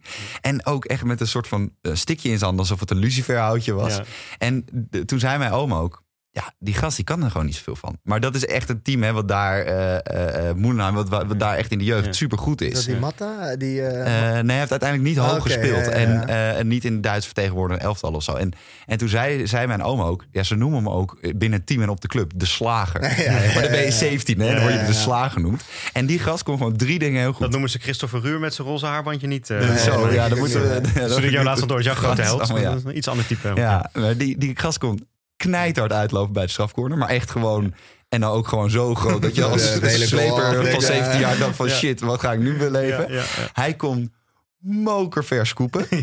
Maar hij was spits. Dus er was één variatie. Dan rende hij naar achter, gooide hij de bal. En dan ging die, het was een soort van de tweede bal. Ja. En dan ging hij als een soort van stormramp, Ja. kwam die aanrennen. En dan pakte hij die bal. En dan de ik moet derde, zeggen dat derde het- kwaliteit wat hij komt... is met de bal, gewoon wat wij gisteren bij de 49ers zagen... bij het American voetbal, door mensenmassa heen banjeren... En dan de bal op iemands voet leggen. Ja, Ik moet En zeggen dat wij bij Hurley op zich ook wel... Als je dan bijvoorbeeld in het Amsterdamse Bos... Ik denk Pinoquet ook wel. Ik denk dat Amsterdam de, van de drie de meest traditionele club is. En ook wel inderdaad eh, de mooie hokjes altijd heeft gehad. En ook naar op zoek is. Daar past van Floris Middendorp bijvoorbeeld denk ik ook wel weer heel goed bij, eh, bij Amsterdam. Maar ik vond bij Hurley, weet je, op een gegeven moment heeft Hurley... Heren 1 praten we echt wel 20, 30 jaar geleden natuurlijk. Dat was een beetje het... eh, ja, dat waren de, de gasten die helemaal lijp waren. Die elke weekend in de hoofdklasse met, met goois en alles ruzie hadden. En gingen knokken en weet ik het allemaal. Maar weet je, wel, we hebben ook wel in een van de jongens gehad. In, op een gegeven moment hadden we een... Kota heette die volgens mij. Die was gewoon heel snel. ja. Die kon gewoon heel hard rennen. En dat, Ja. dat soort Turbo spelers. Maar dat was ook een beetje uit, alleen maar snel. uit nood. Omdat er gewoon... eh, ja, de, het was toch iets minder breed dan misschien dat het bij Amsterdam eh, eh, was. En dan was je ook op dat soort jongens aangewezen. Maar hoe, hoe ik heb, jij bent, zit ook undercover dus bij de KNB. nou, niet zo undercover, toch? Ik bedoel, blijkbaar. Ja. heel diep erin. Ja, maar jij weet al die, die dingetjes. Maar, eh, eh, jij doet die selecties. Hè? Je, hebt, je hebt tegenwoordig ook die naselecties. Heet Ja. dat. Ik, Ja. Is dat ook bij de jongens gewoon, Ja. gewoon Ja. naselecties? Ja. hè? Ehm, ja, vooral omdat de meiden doen er altijd heel erg eh, opgehyped over. Dus dan denk je dat het alleen maar bij de vrouw is. Maar dat is dus niet zo. Ja. Maar ehm, probeer jij daar ook tijdens die selectie op, zeg maar, op authenticiteit te... Ja, nou, Het moet geen leidraad denk ik Nee, zijn, want anders ga je maar- dingen zoeken die je wil zien. exact. Maar- Dat, dat, dat, eh, dat geloof ik. ehm. Het, het, het is en blijft een heel delicaat proces. Het selecteren van spelers en spelers in te schatten op hun potentie. Want dat is uiteindelijk wat je doet. Je kijkt niet per definitie naar hoe goed iemand is, maar naar waar jij denkt, de, de, de voorspelling die jij maakt op hoe goed iemand kan worden. En dan is het dus heel makkelijk om terug te vallen op, ehm, ja, op ik zeg toch vaak op de atletische elementen en, en de technische elementen. Oh ja, die had een bal gewoon, gewoon twintig keer heen en weer en die bal blijft kleven aan zijn stick. Uh, maar er zijn andere dingen waar je naar kan kijken. Um, waar, en ja, dat, dat, dat geldt. Er zijn zoveel elementen waar je naar kan kijken. Ik probeer het mee te nemen. Dus ik probeer wel echt te kijken van ja, oké, ik zie dat hij wellicht niet, niet perfect is in dit element. Maar er zit iets anders in. En er zit een, een, een bepaalde drive en een bepaalde, bepaalde kwaliteit in hem om datgene te ontwikkelen. En als ik dat sterk genoeg vind, dan. Nou. Wat is het punt waarvan jij zegt van nou, dat, daar zijn heel veel coaches met die ideale hokje bezig. Die kijken alleen maar hoe iemand mooi steriel kan flatsen of zo. Maar waarvan jij zegt ja, Pasha Gademan, de coach, heeft altijd een punt waarop die wil letten wat iemand heeft om een bepaald authenticiteitpunt te vinden. Wat, wat is dat? Heb jij één iets waarvan jij ook zegt van ja, daar letten andere coaches niet zo vaak op, maar wel cruciaal onderdeel is van dat is echt waarom iemand de nieuwe Haaland kan worden? Nou, ik, ik merk dat ik dus uh, heel snel let op, um, op toch wel het technisch vermogen, maar het, uh, het anders doen dan, uh, dan, dan, dan we aangeleerd zijn. Dus, dus dat eigenlijk op het moment dat. Uh, maar dat komt dus voornamelijk omdat mensen zeggen van ja, hij drijft de bal te dicht bij zijn voeten. Ja. Dan denk ik, oké, okay, hij drijft hem te dicht bij zijn voeten, maar verliest die visie, weet je, ziet hij het niet meer om zich heen. En wat begint hij te ontwikkelen omdat hij de bal te dicht bij zijn voeten drijft? Want wellicht begint hij veel, veel meer zeg maar, in zijn voeten te kunnen hockeyen en veel meer uit duel te kunnen blijven en veel sterker te kunnen blijven. Wat ik, waar ik nou op zoek ga, is ja, dan toch wel wat is jouw unieke karakter? En je probeert, maar ik hoop toch echt dat elke trainercoach dat probeert. Om te kijken van wat is de beslissing. En niet wat is het resultaat, maar wat is de beslissing. En waarom is hij tot die beslissing gekomen. Hm. Dus waarom is deze persoon tot deze beslissing gekomen? Waarom gaat hij deze actie aan? Is dat puur op basis van het feit dat hij voelt en ervaart dat hij deze speler kan pakken? Of dat hij denkt, eh, dit was de beste keuze op het moment. En, en, en ja, dan, dan, dan kan je wat mij betreft, weet je, als jij, als jij een middenvelder bent, een midden-midden en je bent klein en je bent nog niet ontwikkeld, maar elke keer probeer jij de juiste ruimtes te vinden. Maar je bent gewoon nog te klein, niet sterk genoeg om, om die, ballen, die ballen aan te laten komen, of je techniek is nog niet ver genoeg. Dan is het voor mij irrelevant, want dan kom je er wel. Maar dat is natuurlijk heel makkelijk in de, in de, in de Frenkie de Jong eh, era Ja. waarin we leven. Ja. Want dat is natuurlijk op dit moment, denk ik, eh, Ja. Ja. de, type, de type speler eh, die we allemaal wel zouden willen. Doet hij alles perfect? Deed hij dat al Ja. toen, hij, toen, hij 16, toen hij 14 was bij Willem II? Waarschijnlijk nog niet. Hij was Mhm. nog klein, hij was nog Ja. fragiel. Maar er zat iets in zijn keuze en iets in, in wat hij zag. En vaak zien ze het beter dan wij als coaches. Want zij zien wat de toekomst gaat, bre- gaat brengen. En wij zien eigenlijk alleen maar wat het verleden heeft gebracht.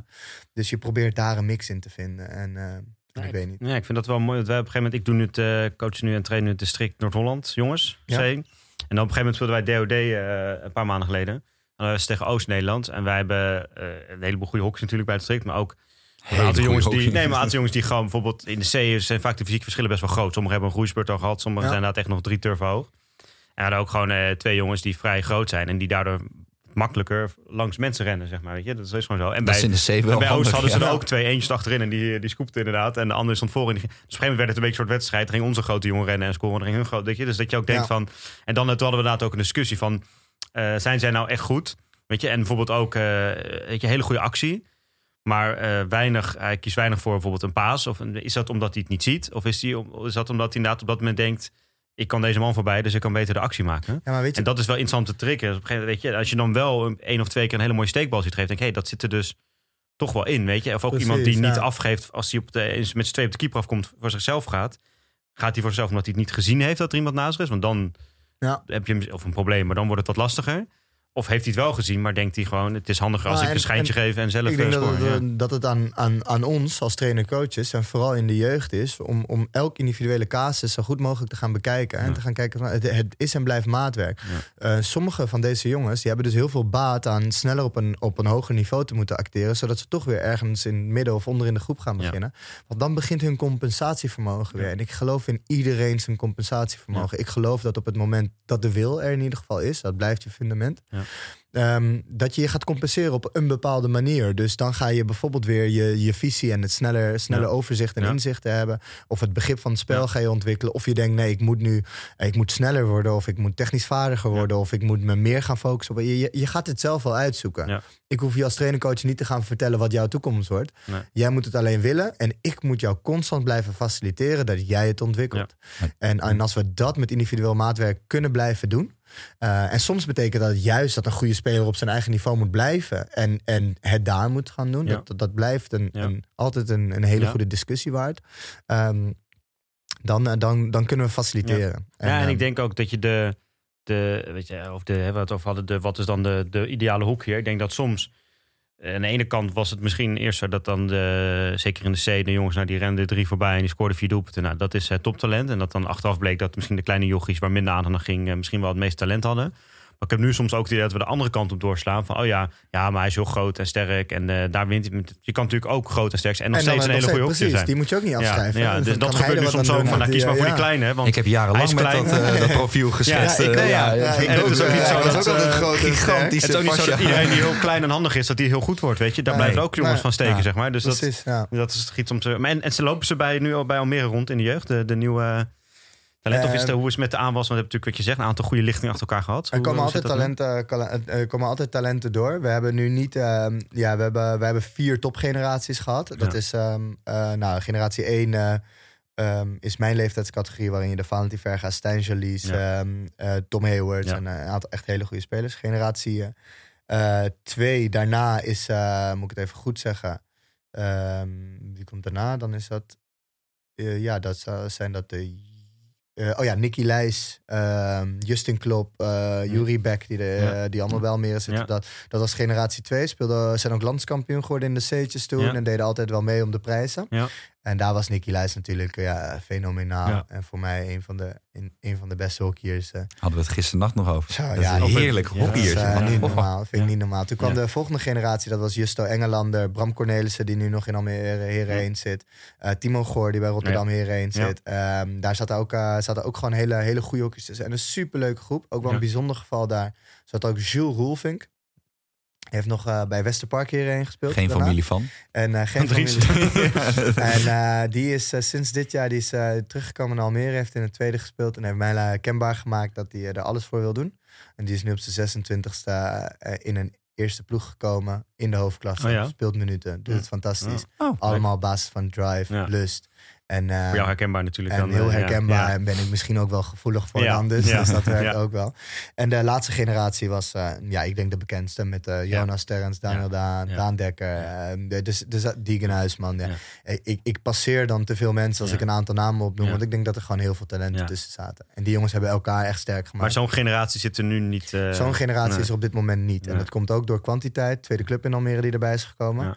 En eh, volgens mij, ik weet niet of ik helemaal gelijk heb, maar volgens mij verliest hockey ook een klein stukje aan populariteit onder Ja, jongens. Klein wel, Jongens ja. zeker, ja, ja, jongens, Onder jongens. Meiden gaan Meiden echt, eh, gaan, ja. Ja. Maar onder jongens. En dat, ehm, eh, ja, dat, dat is lastig. Want als je weinig jongens hebt om uit te kiezen Ja. en om ze bij elkaar te zetten, dan ben je nog meer afhankelijk van eh, de Ja. geluks- en de toevalstreffer. Ja. En twee ouders die op het juiste moment Ja. de juiste dingen doen. En Eh, wat, denk ik ook wel zo, maar wat denk ik ook wel zo is, is dat wat jij zei toen hè, van de, van de wij boeren in de polder. Kijk, dat, dat gooi moet ergens van terugkomen, denk Ja. ik. Want ik denk ook wel dat door het. Kijk, het, het succes is altijd heeft een keerzijde, hè, de andere kant van de medaille. Zeker. Zij hebben Almere natuurlijk ook als groeinest ontdekt. Ja. En hè, eh, we hebben het al vaker over gehad dat er grote clubs, Midden-Nederland vooral, met een blauw-wit tenue aan bijvoorbeeld. hè, komen we straks ook nog wel even op. Een leuk verhaal aan het einde met, met Pasja. Maar eh, ehm, dat dat soort clubs eh, wel uit die vijver beginnen, denk ik, te vissen, of niet? Dat je toch net, Nou, ik, eh, dat ze net even die overstap over die sloot maken. bedoel jij dat de Almeerders naar het gooi gaan? Nou ja, dat je toch mensen hebt die naar een, een, een meer grote, ambitieuzere club gaan. Ehm, ja, dat was vroeger meer dan nu. Dus, eh, dus dat was vroeger wel echt meer dan nu. Dus wij, wij, wij werden altijd wel redelijk leeggeplukt door Laren. En, ehm, en eh, ja, soms door, eh, door, door andere clubs in het gooi. Nog in de tijden van, van Wouter Jolie, ook, ook een ex-Almeerder natuurlijk. Mhm. En toen werden er wel een aantal talenten altijd door Laren gehaald. Maar ook wel verklaarbaar, want Almere was gewoon nog echt een hele kleine club. En kon, kon echt nog niet een jeugdopleiding bieden. Maar Nee. ik denk dat het verhaal wat je nu zegt, dat dat wel klopt. Maar niet per definitie voor de jeugd, maar meer eigenlijk voor de senioren. Oh. En Valentijn Charbon zei dit. ehm, die is natuurlijk van Laren overgekomen naar ons toe. En een jongen uit het gooi, maar ook een jongen die perfect bij ons past. Ehm, die zei, eh, toen wij in Lissabon op teamtrip waren vorig jaar... we hadden een redelijke crisis met elkaar. Want wij vonden, wij, wij, wij waren onze identiteit eigenlijk een beetje, een beetje kwijtgeraakt. En hij zei, ja weet je jongens, kijk ik ben natuurlijk ook naar het Almere gekomen... wat altijd af voor alles hard werkt en altijd overal voor gaat. En dat heeft impact op ons allemaal gemaakt. Maar vergis je niet, zei hij, dat doet iedereen nu. Ja. Hij zegt, dat doet iedereen nu. Ja. Dus als Ja. wij alleen maar denken dat we dat zijn... Ja. Ja, en toen vertelde een jongen van 18 jaar uit het gooien dit aan de groep. Bij mij heeft dat impact gemaakt. En Mhm. heeft, heeft ons ook wel aan het denken gezet van... zitten wij inderdaad niet vast in wat wij denken dat wij, dat wij gewoon heel goed doen. En ja, je- het, het is niet heel lastig Nou, om aan de top te Misschien komen. wat jij maar zelf ook zei, dat, eh, Ja. dat, dat eh, jullie vroeger nog naar aan, weet je, aansluit heeft op een gegeven moment Anderen keken, ja. een, echt een lichting gehad met dat ze inderdaad met Heren 1 dicht, eh, echt top overgangsklasse, dicht tegen hoofdklasse aan hebben gezeten. In de jeugd ook teams die landelijk speelden en eh ze Ja. ook meededen voor de prijzen, goede lichtingen. Fantastische hockeyers Ja. hadden, ja. Dus dat, dat, dat op een gegeven moment dat inderdaad behouden lastiger is. En ik denk dat. eh, nou, je had het vorig jaar, maar nu is. Ik wil niet jullie geen crisis aan praten, maar je staat natuurlijk best. Ja, ja, een pittige zeker. twee Ja, seizoenen tuurlijk, zelf. Je staat eh, onderaan. Nou, Hurley staat dichtstbij. Nou, dat is voor ons geen optie dat Hurley degradeert. Dus eh dan moeten we alweer naar KZ gaan eh, kijken. Jij, hebt het net verlaten, jij hebt niks te zeggen. Nee, dus dat wordt, eh, wordt wel pittig. Hoe, en ja, de, niet, nogmaals niet om een soort crisis aan te praten. Maar er zijn natuurlijk... eh, nou, de Jonas en Terrence zijn dan hebben nu een stap Ja. gemaakt. Een hele logische stap, denk ik ook. Met het oog op een Nederlands elftalschap en dat soort dingen. Dat als, stel het gaat mis dit jaar en er, er, er komt een degradatie. ehm, blijft iedereen? Is er voldoende eh, aanwas van onder om dat er weer aan te vullen? Of kan het dan ook misschien net zo snel als dat het gekomen is ook weer... Ja. Blijf jij inderdaad ook? Kan het, zou het dan weer terug kunnen vallen? Of denk je dat er wel een soort stabiele basis is... waardoor ze dan in ieder geval in de promotieklasse weer in de top mee gaan doen? En, Ik denk dat we op een eh, kantelpunt zijn om dat te moeten definiëren met elkaar. Dus ik denk Ja. dat ik je nog geen antwoord kan geven. Mhm. Ehm, en we zijn met de club in gesprek en met de groep in gesprek hierover. En ehm, ja, er is- spannend Ja. wat dat betreft. Ja. Ik denk dat, ehm, dat afhankelijk van de wil van de club het beide kanten op kan vallen. Als Ja. een club zegt, nee, maar weet je, wij willen het. Ja. Eh, dit is ook wel mijn, mijn, mijn, mijn probleem. Ik, ik ben super ambitieus en ik heb eigenlijk vanaf het begin af aan gezegd van ja, er is eigenlijk maar één kans voor ons om, ehm, om dit niveau eh, te handhaven. En dat is te mikken op play-offs. Dat is te mikken op play-offs binnen, binnen vijf jaar. Weet je, Ja. van Almere play-off team binnen vijf tot tien jaar. Want Ja. alleen als wij ehm, echt zo hoog mogelijk inzetten en alles ervoor doen om daar naartoe te gaan, dan kunnen we later nog terugvallen naar een stabiele hoofdklasse. Maar een stabiele hoofdklasse bestaat bijna niet. Want je speelt, Nee. je speelt play-offs of je speelt play-outs. Ja. Het zijn twaalf ploegen. En er zijn Ja. maar twee teams eigenlijk die daar net tussen, of Die drie daar net teams. tussen en, zijn. Zeker bij de en- mannen, ja. En Ja. er zijn ook een paar punten. Ja. Normaal was het Bij, en de dames ja. is jullie er heel goed in om elk jaar eh, gewoon ergens in het midden te Bij de eindigen. dames is En, het eh, iets anders. dat Want dan is heb je, de Ja. gaten, Ja. de grote, Ja. ja. dat klopt wel. Want je ziet het ook bijvoorbeeld, bijvoorbeeld Pinoquet. Dat- eigenlijk bijna zo'n play-off ploeg Die nu bij de moesten heren. vorig jaar moesten ze nog tegen play-outs spelen. Maar dat is een En- prima ploeg. En die staan nu, Zeker. maar die staan nu ook weer. Ja. Zeker. Je hebt gek. geen middenrif in de Nee. hoofdklasse. Nee. En, en omdat, omdat dat ontbreekt, moet je, geloof ik, en, en dat doet een Den Bosch en een Pinoquet dus nu ook uitstekend. eh, je, je moet de lat hoger leggen voor jezelf. Want Maar dan heb je nog een klein dan stukje. natuurlijk. Dat, En dat ja. is financieel. Ja. En dat is Ja. op dit moment helaas dus niet binnen Ja. onze mogelijkheden. Want Ja. er schijnt, hè, natuurlijk, eh, kijk, we, wij, wij, wij kennen elkaar, denk ik, Pasja, zonder dat jij het weet, al best wel lang. Want wij hebben een aantal jaar geleden, hebben wij natuurlijk tijdens de play-offs tegen elkaar moeten Toen hebben strijden. jullie eh, een Ja. leuk geintje. Nou ja, kijk, wij, wij hebben wel, daar was jij niet zo blij mee in mijn tijd. Nee, dus daar komen we nog heel veel Ja. terug. Voor de, voor de niet-luisteraar, voor, de- voor de luisteraars die het niet weten. Eh, ehm, eh, de Hurley speelde tegen Almere voor een plek in de hoofdklasse. Ja. Gefeliciteerd nog naar de mede. Daar moeten we, zo, we hebben uiteindelijk ook een bier betaald voor de Illuminati. Weet ik nog heel goed. Oké. Oh, ja, we dat kwamen is met waar, kannen. ja. hè? We kwamen ja, kannen. Dus dat- het was een sportief, eh, was wel vijandig, maar wel goed. Ja. Het, was, het zat goed Kan ik op ook wel van genieten. zat ja. ons goed Nou, op ik de denk ook dat wel mede de illuminatie ook voor onze reden was om ook wat te gaan doen. Ja, precies. Want wij ja. dachten toch als je. Weet je, Nou. het is heel vaak, wordt er heel vaak grappen over gemaakt. Maar ja, als er toch één groep staat die heel veel lawaai maakt, dingen, weet je dat. Ja. Bij zo'n play-off, ja, dat helpt toch, zeg maar. Dus je moet ja, daar iets als club precies. tegenover stellen. Dus Nou, ik ben nog als gangster in Poelenburg illegaal vuurwerk voor 400 euro cash gaan bent Dat was echt ja. levensgevaarlijk. Poelenburg of vuurwerk. Ja, dat was echt Ja. levensgevaarlijk. Dat was bijna mijn dood geworden. Maar wat een sfeer en ambiance tijdens die Ja. wedstrijd. Nou, ja, dat toch wat je wil? Ja. En het was lekker warm, bedoel, jongen. ja, Ja. Ja. We zijn toch een kleine sport. En van dat Ja. soort momenten, Ja. dat, dat onthouden we gewoon Ja. Nou, was jarenlang. echt gaaf, dat- ja. dat vind ik Ja. ook. Nee, en, en toen op een gegeven moment was er een gerucht natuurlijk. En kijk, hockeygeruchten, de hockeywereld is te klein om een gerucht niet Ja. Ergens een vleugje van waarheid te laten zijn. Bij voetbal is het net wat anders. Maar dat Terrence had al contact of een voorcontract of afspraak gemaakt met Ja. Jonas ook. Weet je, En dat, Jonas ook, ging ja. meteen dat ze niet dat van een grote club zouden gaan. Terrence was het helemaal onjuist. Oh, Ja. Ja. maar wij hadden toen wel echt... Ik denk dat het Nee, meer was die- dat gewoon, zij waren de twee blikvangers, dus die zullen wel naar een grote club gaan. En toen werd Ja. bij Jonas volgens mij Kampong genoemd. Jonas, En dan eh, Sterren, was dus, Kampong. eh, En, Ja. en toen was het een soort van Terrence was package deal. volgens mij werd eh, gewoon heel hard aan het overwegen of hij wel of niet naar Bloemendaal ging. Ja. klopt. Dat was was eigenlijk nog een niet echt... Eh, ding. Grappig. En toen kozen wij voor de Photoshop met Terrence Ja. Pieters met een Kampong shirt. Ja. En we waren het aan het ophangen. En jij komt die kleedkamer uit en je kijkt het aan en je scheurt het overal vanaf. Je was helemaal over de zeik. Ja, dat, dat, was wel, dat was wel leuk. Maar over jouw toekomst gesproken. Kijk, ik wil nergens op voor sorteren.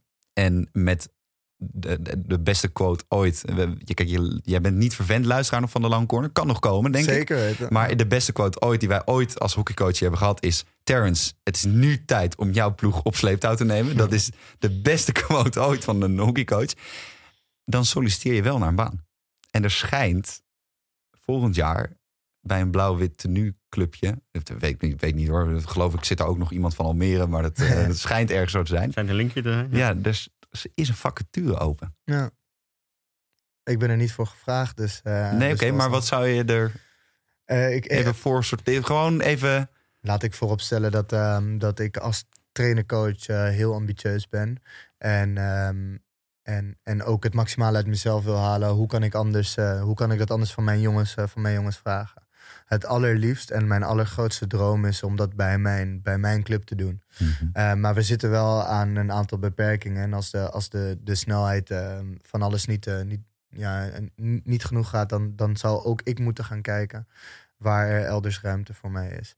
Ehm, ik, ik vrees dat een eh, topclub nu niet, eh, nu niet lang zal komen voor, eh, voor de coach die laatste staat in de hoofdklasse. Dus, eh, dus zolang dat niet zo is, dan, dan hoef ik daar ook nog niet eh, nadrukkelijk over na te denken. Je moet onze media mag niet onderschatten. Nee, Wij oké, kunnen zo heel erg... Ja, dus eigenlijk moeten we gewoon zorgen dat, eh, jij zorgt dat je met Almere er, erin blijft dit jaar. Dan kan je het ook op een goede manier Ja. achterlaten. En dan denken ze bij Kampong. Als nou, dat jullie er maar toch, niet gedaan. Ja, eh, ja, ja. de twee beste spelers weg en toch de- erin blijven. En dan, eh, wie weet inderdaad, liggen er Ja. kansen. Ja. Nou, het schijnt dat Terrence en, en Jonas wel jouw nummer nog in hun telefoon hebben staan. Dus dat is, die denk ik wel. die link is snel ik wel. gemaakt, denk ik. Vermoed ik wel. Nee, maar... Maar is eh, het eh, ja. de, ehm, wat is jouw, ult- weet je, je zou graag hè, met, met mijn club Almere de, eh, eh, het zo goed mogelijk gaan doen. Heb je nog een soort ultieme droom, eh, doel? Bij wijze van Ja. spreken, bondscoach juist in een ander land, eh, een bepaalde competitie. Bondscoach van Nederland, ja. Kijk. nou, dat kan ook misschien na de Spelen wel. Nee, eh, die- Nee, nee, nee, nee, nee, Maxi, ik zou dat, Maxi is vervent luisteraar. Voordat ik, dat, eh, Nee. voordat ik eh, daar, Nee. daar realistisch moet ik echt nog, Ja. echt nog zoveel Ja. doen. Maar kijk, ik, ik ben een niet geboren Nederlander die Ja. eh, zoveel in zijn leven dankbaar is. Ik ben heel kritisch op wat Ja. soms in de Nederlandse cultuur zit. Maar soms ook veel dankbaarder dan, dan, dan een Nederlander soms. Ja, ik ben een Nederlander, dus misschien Ja. is het niet netjes om dat te Ja. zeggen. Maar ik bedoel dan originele Nederlanders. Ja. En ehm, het land, de, de omgeving, eh, ook voor mij opgroeiende in Almere, in andere kringen, hockey, alles bij elkaar heeft mij ook zoveel gegeven, zoveel kansen en zoveel mogelijkheden op zo'n zo'n mooi leven. En ik zie eh, niks mooiers dan, ehm, dan, eh, dan juist het oranje te kunnen coachen. En wie weet betekent dat dat er via andere trajecten, via Ja. andere landen, die, Ja. wat ik ook super, super cool zou vinden. Maar ja, ja natuurlijk, eh, het hoogst haalbare in het hockey is voor mij eh, bondscoach zijn van, eh, van het Nederlands elftal. En Ja. ik ga wel altijd voor het hoogst haalbare. Ja. Maar laat ik wel echt voorop stellen, lange, lange weg te gaan. Ja, precies. Lange weg te gaan. Volgens mij, ik weet niet, misschien wil jij wel af gaan sluiten. Maar ik heb nog één iets wat al de, eigenlijk nu de hele podcast in mijn hoofd zit. Oké, Aan het begin had jij het erover dat jij Kom maar op. lid werd bij Almere en dat je Kijk broer de eerder, hè, die was ouder, die werd eerder lid en dat die talent. Maar ik heb eigenlijk daarna die, die hele naam niet meer voorbij gehad. Wat, hoe is Oké. wat heeft hij eh, eigenlijk Poeja, nog? ja. eh, wat is zijn nog Hij is carrière eh, heel lang, uh, Poeja Gademan, hij is heel lang aanvoerder geweest van Almere hierheen. Ja, toch wel, ja. Hij zat in de, in de minder talentvolle lichting Ja. boven mij. En Ja. eh, debuteerde volgens mij op zijn 14e, 15e in de hierheen. Is uiteindelijk een jaar of eh, acht, negen aanvoerder geweest. Maar zijn laatste twee jaar. Ik ben teruggegaan naar Almere, omdat wij gewoon nog per se met een, een jaar met elkaar zouden spelen. Ja. Helaas heeft hij in dat jaar ehm, twee eh, ernstige kruisbandblessures opgelopen. Mm. En heeft hij uiteindelijk zeven minuten in de playoffs tegen HDM nog eh, Ja. gespeeld. Toen weer een knieblessure opgelopen. ja. Dus hij heeft, geen, heeft niet zo'n eh mooie eind gekregen.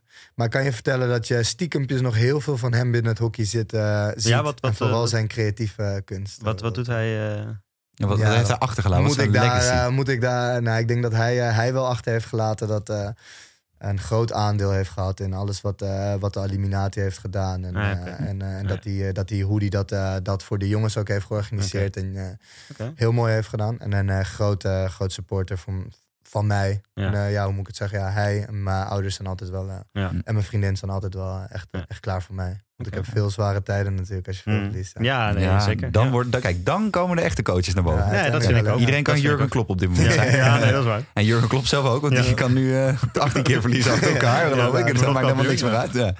Nee, maar eh, nou ja, inderdaad, ja, ik wil hem wel af gaan sluiten. Maar Ja. ik, eh, Jap, ik weet niet hoe jij er tegenaan kijkt, ook jij Pasja, maar ik had toch aan het begin een beetje eh, eh, van, ja, we hebben Pasja eigenlijk nog nooit echt gesproken.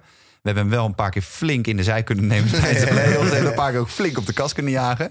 Eh, ehm, eh, ik heb jou wel ooit één keer geloof ik op Kampong heel kort gesproken... toen ik bij het Nederlands was voor, eh, voor een aantal spelers die, voor een speler die toen speelde. En toen was jij nog assistent van Bas, geloof ik. Ja. Bij Jongens Aten. Ja, We hebben nog ja. heel kort een keer, Ja. jaren geleden gesproken. Ja. Dus weet je, dat kan gebeuren. Maar toch weer een vriend van de show erbij. Ja, eh, Denk ik, onwijs toch? leuk, ja. Ik Ja. bedoel, je hebt niet zoals Koen van Bungen twee scheidsrechtersfluitjes meegenomen. Oeh, maar nee, nee, nee, nee, nee, nee, spijt. nee, dat, kan, dat kan gebeuren. Dat kan gebeuren. Dat hebben al meer coaches niet gedaan. Nee, Ja. maar eh, nou, in ieder geval geen vijanden gemaakt. Denk ik. Nee, dus dat is, dat is bij ons Ja, ook in, altijd in, wel. in, in mijn verdediging, het kwam ook best laat. Hè? Het verzoek Ja, is anders. eh, dat ben ik altijd wel een nee. giftbringer. Ja. Nee, dat komt helemaal goed hoor. Nee, ja, je wel zelf de gift in dit geval, Pasja. Ja. Nee, dus eh, enorm top. Eh, ik probeer er 8 maart bij te zijn. Want dan Ja. speel jij Op Almere, de Op eerste Almere. wedstrijd van de tweede seizoen zelf op Oh, Almere. Ja, en jij speelt op, tegen Oranje-Rood op dat Ja. moment. Klopt, ja. En Daarna, ja.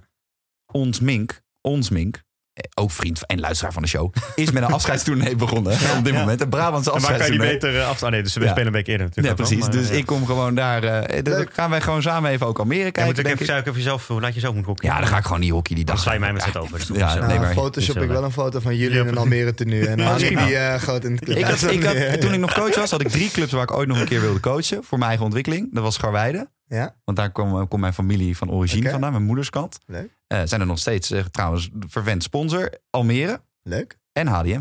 Dat Ja. waren mijn drie Oh, clubs nou ja. waar ik ooit nog wilde coachen. Noem je met Almere en ADM, noem je denk denk ik ook wel twee clubs die echt wel iets met elkaar hebben zonder dat ze het zelf beseffen. Ja. Ja, en HDM vind ik het, het allermooiste nu wat er is. En die doen dat ADO toen nu toch? Nee, niet Nee, dat ADO dat blauw-wit gestreten. Maar inderdaad, ja. Ja. we gaan hem nu wel echt afsluiten Ja. voor deze week. Eh, want eh, de, de 49ers eh, tegen de KFC, die begint, die begint in te slaan. En, en vooral die acht hotdogs, die, eh, die begint uh, toeren te, te vertonen. Ehm, we weten weer niet, zoals met de specials is. We, normaal hebben we elke week een podcast. Maar ja, we weten nu niet tijdens de wintermaanden een beetje hoe dat zich gaat vormen.